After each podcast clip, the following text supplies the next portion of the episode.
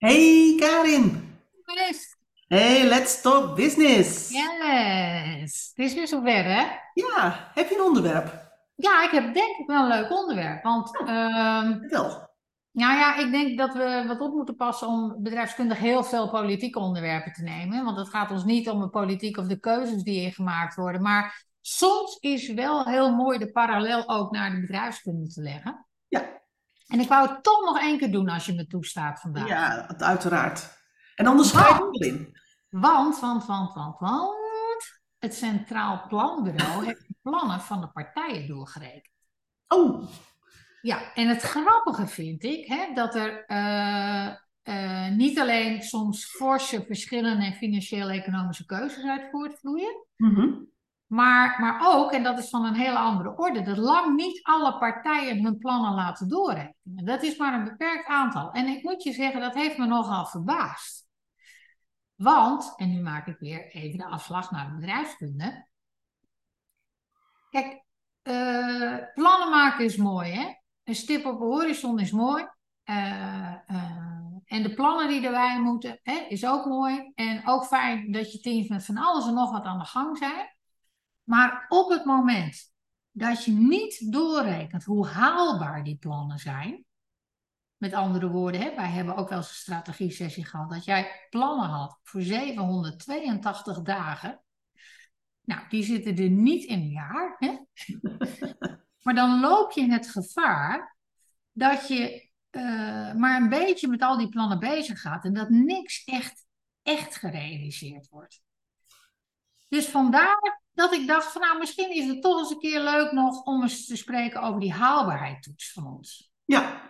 Ja, en daar ben ik het helemaal mee eens. En ik, ik heb natuurlijk de neiging om het mezelf meteen te gaan verdedigen. Eh, eh, om... Nee, dat moet je niet doen. Want ik, wat Nee. ik bedoelde te zeggen is dat jij zo enthousiast bent en zoveel ideeën hebt, hè, maar, maar, maar dat, dat, dat het ook belangrijk is hè, dat je soms eens heel clean en eh, eh, berekenend of doorrekenend gaat kijken naar eh, en wat betekent dat dan in tijd en in geld en in ook acceptatie hè, van plannen. En, en noem mij dan maar, zeg maar het CBP van, eh, van onze Ja. samenwerking. Nee, ik, ik, ik haak er ook een beetje op aan, want ik, je weet, ik, ik ben natuurlijk een echte ontwikkelaar en in mijn wereld kan alles. Hè? Dus dat is gewoon, ik ken wat dat betreft geen enkele vorm van grens. En dat weet ik, ben ik me bewust van. Maar ik heb ook wel eens bij een organisatie gewerkt waar ik eh, met een team te maken had van marketeers. Die zeiden van ja, maar wij zitten echt helemaal, helemaal vol. Ja, Er, kan gewoon geen werk bij. Nee. dan zei ik tegen nou oké, dat is prima. Eh, dat, dat, dat neem ik van jullie aan.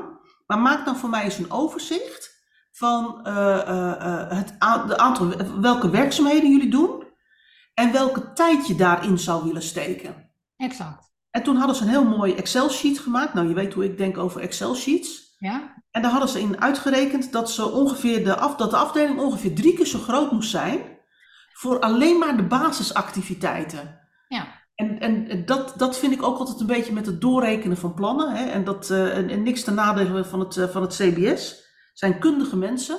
CBP. CBP mag ook. Ja, ja. Eh, eh, het. Ja, nou, nou haal ik het zelf door elkaar. Sorry. Precies. Dan Centraal krijg je- als je met een beetje dyslecteut werkt, ik kan met elke afkorting kan ik uit de bocht. Ehm, maar het is, het, is, het is en blijft koffiedik kijken. Ja. En ik denk altijd, hè, je, eh, eh, je, je moet je plannen doorrekenen. Ik denk dat dat heel belangrijk is. Maar je moet die doorrekening niet aannemen als zijnde de waarheid. Nee, Want eh, eh, uiteindelijk wil je als organisatie dingen bereiken. Dus je wil geen status quo zeg maar, eh, strategie hebben. Niet, je wil niet door blijven gaan zoals je al doorging. Je wil ergens naartoe. Ja. Daar moet je in investeren. En dat betekent dat je andere dingen moet gaan doen. En die andere dingen zijn over het algemeen slecht doorrekenbaar. Ja. Want eh, nou, nou kunnen wij het er bijvoorbeeld over hebben. Hè, van er moet volgend jaar een nieuw, een nieuw programma komen. Een nieuwe opleiding komen. En dan gaan we met elkaar bedenken hoeveel uur gaan we erin steken. Ja. Ja, daar kunnen we het over hebben. Maar als we echt vinden dat die opleiding er moet komen, dan komt die opleiding er.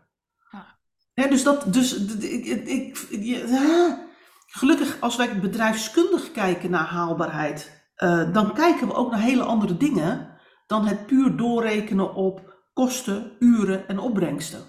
ja. Maar dit is natuurlijk altijd wat, wat ik in organisaties ook al heel vaak zie, hè, is dat, elk voorstel vergezeld moet gaan van een businessplan. En in die businessplannen worden dan allerlei inschattingen gemaakt van doorlooptijden, uren, opbrengsten, kosten.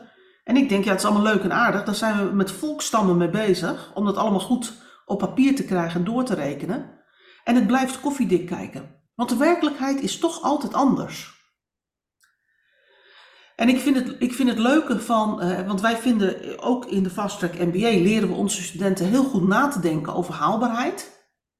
Uh, uh, en, en, maar dat doen we niet op basis van doorlooptijden, kosten, opbrengsten, dat soort zaken.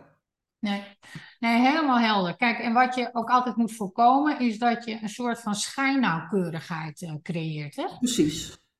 Uh, want uh, met plannen en doelen is het natuurlijk wel zo dat je continu ook naar buiten moet blijven kijken. Van zijn de aannames die ik gemaakt heb, of de veronderstellingen die ik gedaan heb ten tijde van de plannenmakerij, zijn die nog wel hetzelfde? Of moet ik bijstellen? Ja, en dat, wat dat betreft zie je natuurlijk ook dat we, dat we met elkaar in organisaties heel erg richting agile werken zijn gegaan. Ja. En dat gaat niet over het maken van hele grote plannen die doorgerekend zijn, maar dat gaat met name over met elkaar doorlopen van korte cycli, waarin we elke keer iets opleveren, waardoor we leren, waardoor we afstemming kunnen krijgen met de markt. En we eigenlijk die grote berekeningen van die business cases, dat we die niet meer hebben. Nee. Nou, ik vind dat wel een mooie afslag die je maakt. Wat vind je van het agile werken? Want voor mijn gevoel komt het er een beetje op neer dat het een ja, een, een, een, een toch een, een, een, een operationele manier is om efficiëntie te vergroten. Ja, zo wordt het vaak ingezet, maar zo is Agile natuurlijk in de basis niet bedoeld. Nee, daarom vraag ik je er ook even naar. Ja, kijk, ik vind, uh, uh, nogmaals, ik praat als ontwikkelaar. Ik, ik zie altijd heel veel risico in het feit dat we op een, uh, ik noem maar eventjes op een ontwikkelafdeling of op een stafafdeling gaan bedenken wat, wat nou de nieuwe producten en diensten moeten zijn. Ja. En dat we die dan heel groots optuigen, vooral veel, heel groot maken. Uh, uh, want dan is het lekker belangrijk. En uh, als het belangrijk is, dan straalt het af op ons als medewerkers. Maar ook als ons, on, ons als team, als, als afdeling. Um, en vervolgens wordt er gestart en dan krijg je zo'n point of no return. Hè? Dan hebben we er al zoveel geld in gestopt. Dan moeten we het ook afmaken. En agile werken in die systematiek uh, uh, werkt, vind ik, heel productief. Uh, juist omdat je zegt van oké, okay, laten, we, laten we het niet mooier maken dan het nodig is. Laten we nou eerst eens iets maken wat werkt. Ja. Gewoon heel basaal. En dan gaan we daarmee naar klanten toe. En aan ja. de klanten gaan we vragen, wat vind je hier nou van? Ja. Nou, die zeggen van, nou, ik vind, ik vind dit wat groot en ik vind dat wat klein en het is alleen maar zwart en ik had het graag roze gaan willen hebben. Of ik had de keuze willen hebben uit zwart en roze. Ja. Dan weet je ook waar, je, zeg maar, waar jouw markt, waar de behoefte zit. Ja. Eigenlijk laat je de markt sturend zijn in de volgende fase van het mooier maken en verbeteren en verder aankleden van je producten en diensten. Ja. Dus dat vind ik een hele uh, efficiënte manier van werken. Ik denk dat dat de efficiëntie van, van productontwikkeling aanzienlijk verbetert. En daarmee dus Ja. ook de efficiëntie. Ehm, als je dit gewoon in de operationele processen doet, dan heeft het als voordeel dat je, dat je veel uh, afstemming hebt. Hè? Dus je bent van elkaar op de hoogte. Mensen Mhm. kunnen elkaar bijspringen. Uh, uh, je, op het moment dat er ergens iets vertraagd is waar jij mee aan de slag moet, dan weet je dat in een vroegtijdig stadium al. Ja. Dat is wel positief.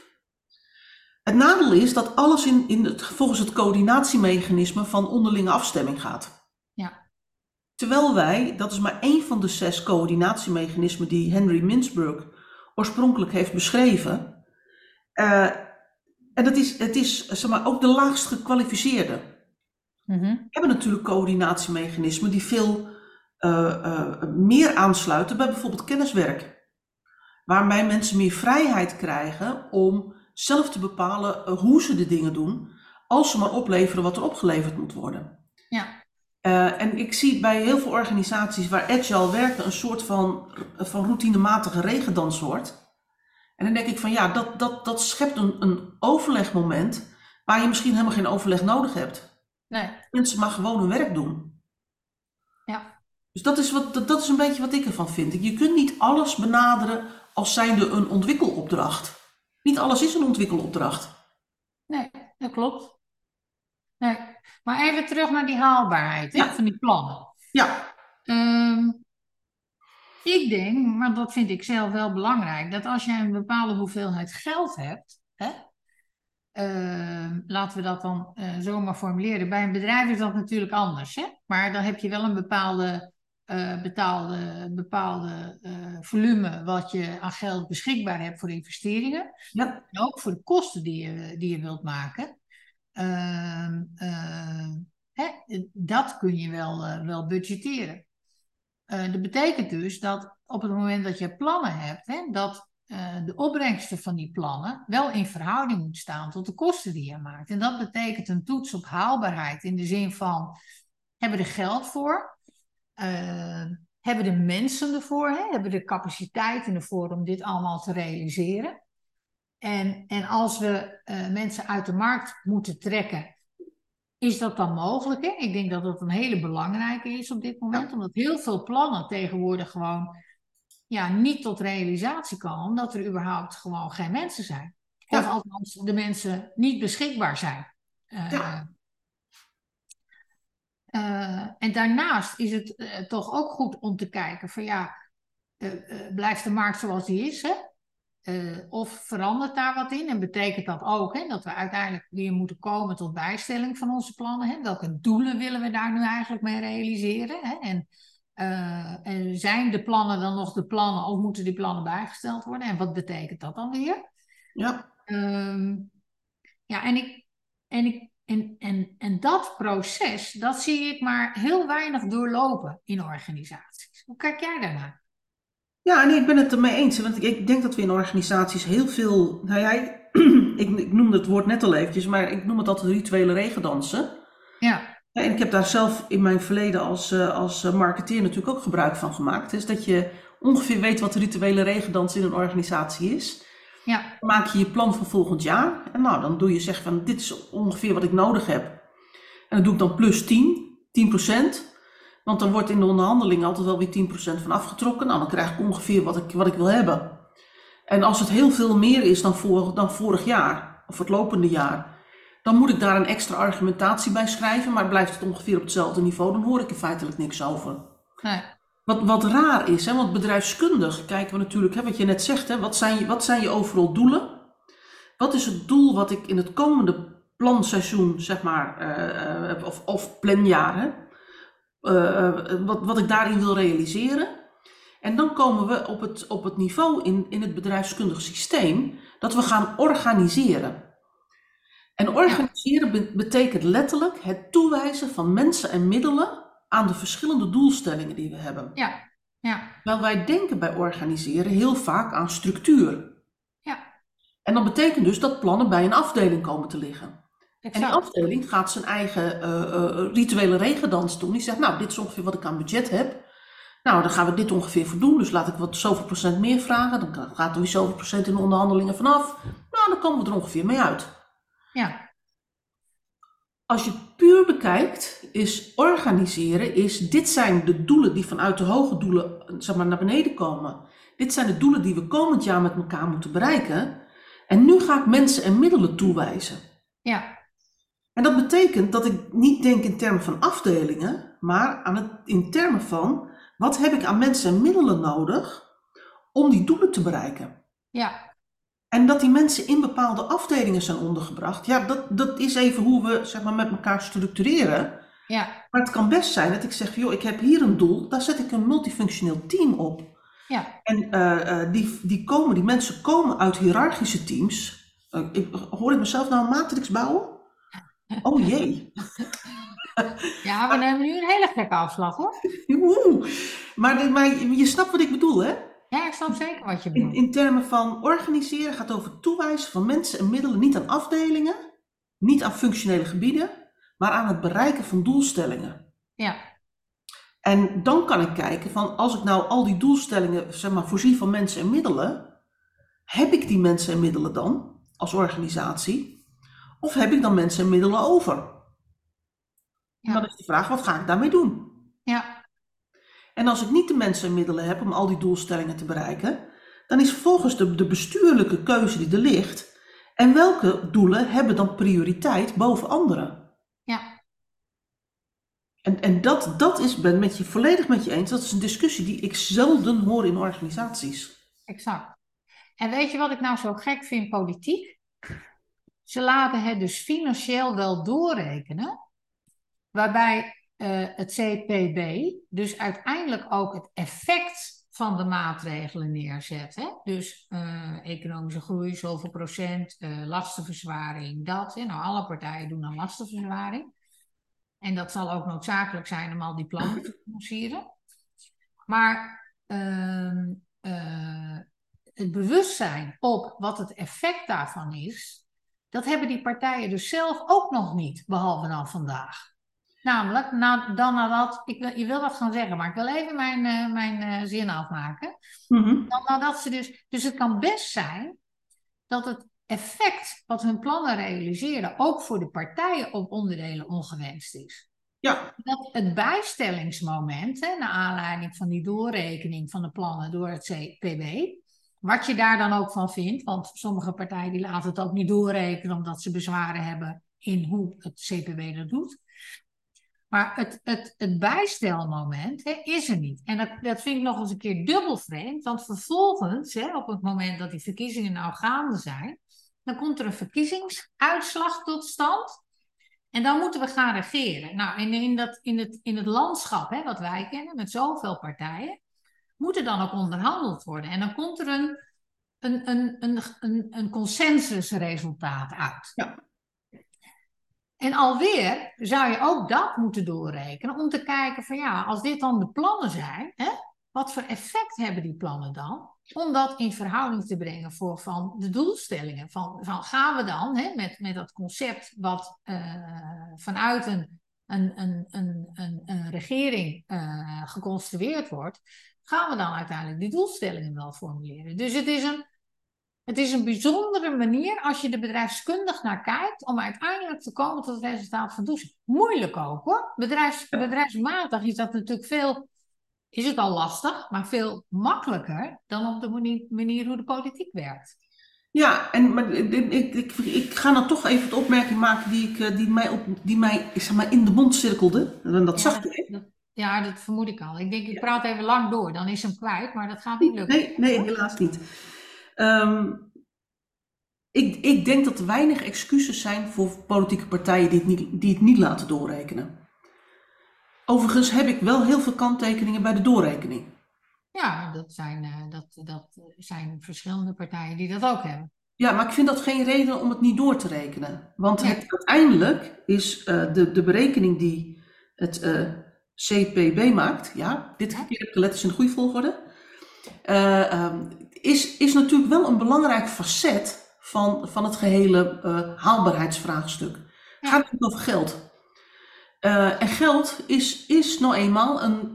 We, we praten het over, altijd over bij doelstellingen. Het gaat over toewijzen, verdelen van mensen en middelen. Ja. Dat gaat, dat gaat er eigenlijk altijd om dat de middelen en ook de mensen beperkt zijn. En je kunt het maar één keer uitgeven. Ja, exact. Dus, dus het is een belangrijk argument om, om te kijken van joh, hebben we het geld wel? En uh, levert het nou ons dan ook weer wat op, waardoor we volgend jaar weer zeg maar, ruimte hebben om mensen en middelen te verdelen. Ja. Aan de andere kant vind ik dat op het moment dat we alleen maar kijken naar geld, vind ik dat we onszelf daarmee ontzettend tekort doen. Want uh, bepaalde maatregelen kosten alleen geld, leveren geen geld op, want het CPB uh, meet in economische groei, hè, bruto nationaal product. Uh, uh, en sommige dingen leveren nou eenmaal geen bruto, geen, hebben geen bijdrage aan bruto nationaal product. Bijvoorbeeld als we praten over zaken als welzijn. Exact. Toch is welzijn, denk ik, een heel belangrijk politiek doel als het gaat over wat willen we nou met dit land? En ja. wat vinden we belangrijk? Ja. Dus we, we, we hebben doelstellingen die op andere factoren rusten dan op geld. Ja. En onze doorrekening maakt het niet makkelijker om over andere dingen dan geld, zeg maar, een, een uitspraak te doen. Nee. Dus, dus er zit wel een, een soort van randje in ons systeem van meten. Ja. eigenlijk zou je moeten zeggen van nou, dit zijn de factoren hè, waarop je het geld mag uitgeven. Hoe kom je dan, politieke partij, tot een verdeling? Wat, wat gaat dan aan de bevordering van economische groei? Wat gaat aan de bestrijding van werkloosheid? Wat gaat naar welzijn? Wat gaat naar cultuur? Dat valt ook onder welzijn. Uh, wat, wat, gaat naar de gezondheid? Uh, wat, gaat, naar, naar gezondheid? Ja, wat gaat naar klimaat? Ja. Uh, nou, we kunnen van allerlei items noemen. En dan zou je naar mijn mening ook als burger veel meer inzicht krijgen in de verschillen tussen de partijen en de afwegingen die de partijen maken. Ja. En dus als ze allemaal 100 hebben, hoe wordt die 100 dan uitgegeven? En dat is allemaal nog voorlopig, hè? want het is het voor de verkiezingen. Na de verkiezing krijgen we de onderhandeling om tot een formatie te komen, tot een kabinet te komen. Ja. Uh, en, dan, en dan moet er in de onderhandeling, uh, komt er hier nog weer wat bij en gaat er daar nog weer wat af. Exact. Ja, het, het, grappige vind ik, is dat we eigenlijk als we praten over haalbaarheid in, in bedrijfssituaties, dus voor organisaties, dat we op hele andere dingen meten. Ja. Want dan praten we, hè, als we tenminste praten over strategische haalbaarheid. Hè? Dus Ja. ik praat niet over een individueel businessplan of business case. Nee. Ik praat over hoe, hoe je naar de toekomst van de organisatie als geheel kijkt. Ja. Want dan brengen we in kaart, wat zijn nou de trends en ontwikkelingen in de markt? Wat speelt er allemaal in onze branche waar we rekening mee moeten houden, strategisch gesproken? En wat speelt er met onze, bij onze klanten, leveranciers en concurrenten? Ja. Dan kijken we van, eh, eh, naar de organisatie. Wat kunnen we? Wat hebben we? Eh, Ja. Wat kunnen we? Wat, wat is sterk genoeg om daar strategische keuzes mee te onderbouwen? Ja. Dan komen we tot een aantal strategische opties. We kunnen rechtdoor gaan, we kunnen links afslaan, we kunnen rechts afslaan. Ja. En dan zeggen we, joh, gezien alles wat we nu weten, vinden we rechts afslaan eigenlijk een, een, de, de beste keuze. Ja. Dat lijkt ons op dit moment de beste keuze. Ja. En dan kennen we eigenlijk in, in de haalbaarheidsanalyse kennen we een drietal lagen. En de eerste laag is eigenlijk de check. Wat nou als de markt, of als de markt zich anders ontwikkelt dan wij hadden gedacht? Want we doen een voorspelling over hoe de markt zich ontwikkelt, maar we weten het natuurlijk niet echt. Het blijft een vorm van koffiedek kijken. En dus is het goed om te kijken van nou, als de markt zich nou ontwikkelt zoals wij denken, dan is dit is rechtsaf de beste keuze. Maar wat nou als dit gebeurt in de markt? En wat nou als dat gebeurt in de markt? Is rechtsaf dan nog steeds de beste keuze? Ja. Of als we rechts afslaan, zo formuleer ik het misschien beter. Als we rechts afslaan en deze onverwachte dingen gebeuren in de wereld, hebben we dan als organisatie nog steeds bestaansrecht? Dat is de eerste laag. Mhm.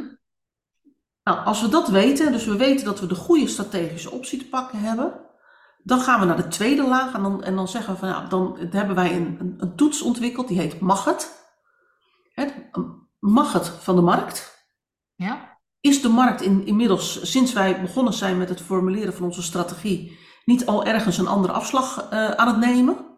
Waardoor Mhm. we eh, ja, met, met voortschrijdend inzicht misschien toch andere keuzes moeten maken? Wordt het ge- geaccepteerd door onze klanten, door onze stakeholders, maar vooral ook door onze eigen medewerkers? Ja. En hier komen we in dat systeem van weerstand.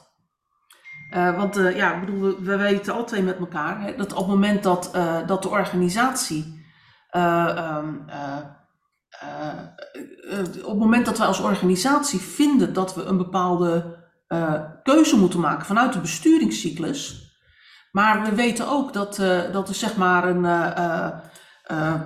dat, dat de ook mensen in de operatie of de mensen in de sales zeggen van ja, maar daar ga ik niet mee op stap. Of dat ga ik niet doen in mijn dagelijkse werk. Daar ben ik tegen. Daar ben ik gewoon ik, le- leidzaam verzet, zal ik maar zeggen. Ja. Dan gaat het niet gebeuren. Nee, precies. Dus die acceptatie, zeg maar, ja, die acceptatie inschatten is een heel belangrijk onderdeel van zo'n haalbaarheidstoets. Ja. Nou, de volgende waar we op toetsen is, eh, kan het in de tijd? Want elke ontwikkeling heeft bepaalde tijd nodig. Ja. En ik, je, weet, ik vertel aan onze studenten heel vaak het voorbeeld dat ik bij een eh, verzekeraar werd eh, ingeroepen. Eh, want ik werkte in die tijd heel veel als interim manager bij verzekeraars. En zeiden van, ja, Mariska, jij bent een ontwikkelaar, je moet ons helpen, want ja, we hebben een bepaald, bepaalde wetswijziging en die, ja, daar hebben we over nagedacht. En dat moet, dat moet nog rondgebreid worden, dat moet nog in de systemen, dan moeten mensen nog opgeleid worden. Dan moeten we onze tussenpersonen daar nog over informeren en opleiden en dan moet dat gedaan worden. Oké, waar, waar, waar zitten jullie ongeveer aan te denken? Ja, ja, dit, dat, zus en zo. Oké, wat is de doorlooptijd? Nou, een maandje of negen. Oké, wanneer gaat die wetswijziging in? Over drie maanden. Ja. Nou, dan heb je toch een acuut probleem. Hè? Ja. Dus, dus de vraag is altijd, heb je de tijd om, om te doen wat je, wat je strategisch wil doen? Exact. En dan het laatste is, is waar we op meten, is uh, uh, hebben we het geld? Komen we toch weer met geld uit? Ja. Hebben we het geld om te investeren in de dingen waarvan we zeggen dat we die belang, belangrijk vinden? Ja. En als we dat geld niet hebben, kunnen we dat dan ergens anders vandaan halen? Of kunnen we uh, extra geld hiervoor aantrekken? En dat zijn zo van die, van die overwegingen die je met elkaar kunt hebben. En, en dan komen we, zeg maar, als we dat dan allemaal getoetst hebben, hè, dus we weten dat het haalbaar is, omdat de markt het nog steeds wil, omdat het geaccepteerd wordt binnen en buiten de organisatie, dat we het geld ervoor hebben en ervoor vrij kunnen maken, en dat we de tijd hebben om het te doorlopen zoals we het denken te, te doorlopen, dan hebben we nog een laatste laag van de haalbaarheidstoets. En die noem jij altijd zo mooi de BMW-toets. Ja, klopt. En uh, ik, ik, ik, zal niet zeggen dat, uh, dat ik net zo'n auto heb gekocht, want daar gaat deze toets natuurlijk niet over. Nee, niet te verwarren met de auto, zou ik net uh, Precies. zeggen. Maar misschien kun jij die even toelichten, want dat is meer en meer jouw ding dan... dan Nou ja, kijk, wat belangrijk is, is dat je, dat je een toets maakt in de zin van wat nou, hè? Wat nou als mijn plannen uitkomen, maar die zijn veel, veel groter, veel het valt mee, om het zo maar te zeggen. Maar het valt mee kan ook leiden tot een enorme omzet of een enorme aanwas van uh, uh, asielzoekers of een enorme aanwas van patiënten. Wat maakt dat jouw organisatie daar niet op voorbereid is. Ja. En als jouw organisatie niet op voorbereid is, dan verlies je de beheersbaarheid van je organisaties. En in het commerciële bedrijfsleven zeg ik altijd van ja, er gaan net zoveel bedrijven failliet aan niet beheersbare groei. Dus best case scenario's, om het zo maar te zeggen, als aan uh, het tekort aan liquiditeit. En dat heeft met die beheersbaarheid te maken. En een best case scenario is heel interessant om eens even te kijken van wat nou als, als de bomen tot in de hemel groeien. Hè? Nou, Wat betekent dat dan? Wat betekent dat dan voor mijn organisatie qua personeel? Wat betekent dat misschien ook qua locaties? Wat betekent dat qua faciliteiten die ik moet hebben? Etcetera, etcetera. Uh, want de wal keert het schip op enig moment, om met een mooie uitspraak te klinken. Nou, hetzelfde geldt voor uh, de andere kant, en dat is het worst case scenario. Hè? Het worst case scenario, ja, eigenlijk moet je dan gewoon bepalen van wat is, wat is minimaal het aantal klanten, het patiënten, wat ik moet hebben, wil, wil dit bedrijf uitkomen. Want we hebben het op dit moment op een bedrijf hè, wat, wat dan break-even draait. En, en dan, ja, dan, dan richt je je wel heel minimaal in, want ik denk dat een bedrijf in principe ook wat winst moet maken, wil het in zijn eigen continuïteit kunnen voorzien. Ja, ik vind altijd een mooi voorbeeld aan wat ik als student heb, uh, uitleg hoe dit dan werkt. Hè. Stel even, ik bouw een nieuw product en ik maak een case op dat ik in het eerste kwartaal 100 eenheden verkoop. Ja. Worst case scenario is ik verkoop er geen 100, maar ik verkoop er 10. Ja. Wat gebeurt er dan? Exact. Uh, maar best case scenario is, ik, ik heb begroot op 100, daar heb ik mijn proces op ingericht, heb mensen op klaargezet heb ik mijn inkoop op gedaan voor misschien wel voor grondstoffen en halffabrikaten. Ja. En ik verkoop er in het, in het eerste kwartaal duizend. Ja. Zo moet ik tegen heel veel klanten nee gaan zeggen. Ik draai mijn hele systeem, draai ik helemaal op de, zeg maar, over de toeren. Mensen vallen met burn-outs om. Ja. Uh, en wat gebeurt er dan met je organisatie? Exact. Dus belangrijk, en die beide uitersten, die geven belangrijk inzicht in wat nog beheersbaar voor jouw organisatie is. Ja. Zonder dat je uh, zeg maar uh, ad hoc overal uh, de voorraden weg moet slepen. Of de docenten, hè, als, je, als je in, in een school werkt, eh, omdat er veel meer studenten komen dan dat je verwacht had. Eh, waar je de lokalen niet voor hebt, waar je de apparatuur niet voor hebt, waar je eh, de planners niet voor hebt om de roosters rond te krijgen. Hè? Wat is dan maximaal haalbaar zonder dat je er additionele investeringen in moet doen? Wat kun je handelen? Ja, Of wat kun je handelen eh, waarbij je een model hanteert waarbij je eenvoudig tot opschaling kan kopen? Want dat, die modellen heb je natuurlijk ook. Als het eenvoudig is om op te schalen, ja, kun je meer hebben dan dat je een ander model hanteert. Ja. En dit geeft inzicht in ehm, eh, je omzet eh, zo hoog mogelijk hebben, hè, zoveel mogelijk eh, doen. Tegelijkertijd de organisatie en de exploitatie van de organisatie wel beheersbaar houden, zodat het er nog prettig werken is. En alles in het ambitieus is om het te werken, maar nog wel prettig werken is en alles nog in controle kan blijven. Zou ik als we nou kijken naar die drie lagen van, die, eh, van, die, van de haalbaarheidstoetsen, Ja, zou ik dan mogen zeggen dat die, zeg maar, die eerste laag, waar ik kijk van wat, hoe, hoe, hoe houden deze, zeg maar, wat, wat gebeurt er nou met de organisatie als ik dit, deze strategische optie kies, maar de markt doet iets heel anders dan wat ik gedacht had? ja, Het gaat over bestaansrecht van de organisatie. ja, De tweede toets gaat over de markt, de afstemming met de markt, de acceptatie, geld en tijd. Dus dat gaat eigenlijk over het, eh, eh, het prioriteren van zaken. Planbaar maken en prioriteren van zaken. ja, Ehm, en, en de laatste toets gaat veel meer over, kan ik het operationeel allemaal bolwerken op het moment dat, dat de zaken anders lopen dan ik, eh, dan, dan ik eigenlijk gepland had. ja, En wij trekken natuurlijk altijd, wij werken altijd met die perspectieven van kijken. Hè? Blauw, strategisch, groen, tactisch, rood, operationeel. Zou je dan ook kunnen zeggen dat dat eigenlijk ook van toepassing is op die lagen van de haalbaarheidstoets? ja, vind ik eigenlijk wel. Ja, Mooi. dat vond ik opeens te bedenken toen ik jou dat, eh, jij was aan het vertellen over die BMW-toets. Toen dacht ik van, eigenlijk is dit een hele operationele toets. Ja. Of ik het als organisatie wel kan bolwerken als er iets anders gebeurt. Ja, Ja. Nou, dat is toch weer een mooie afsluiter van deze Let's Talk Business. Ja, denk ik ook. Zie, zo lullen we wat tegen elkaar aan en krijgen we zelf ook nog eens wat inzichten. Ja, precies. Ja, is elke keer weer. Ja, Eh, volgens mij eh, gaan we afronden. En ik denk eh, het ook. gaan we volgende week eh, weer praten. Hebben we weer een mooi onderwerp. Ja, we gaan, eh, we gaan weer een mooi onderwerp zoeken. Zo is het. Ik Hey. spreek je dan. Yes, doei doei! Dag.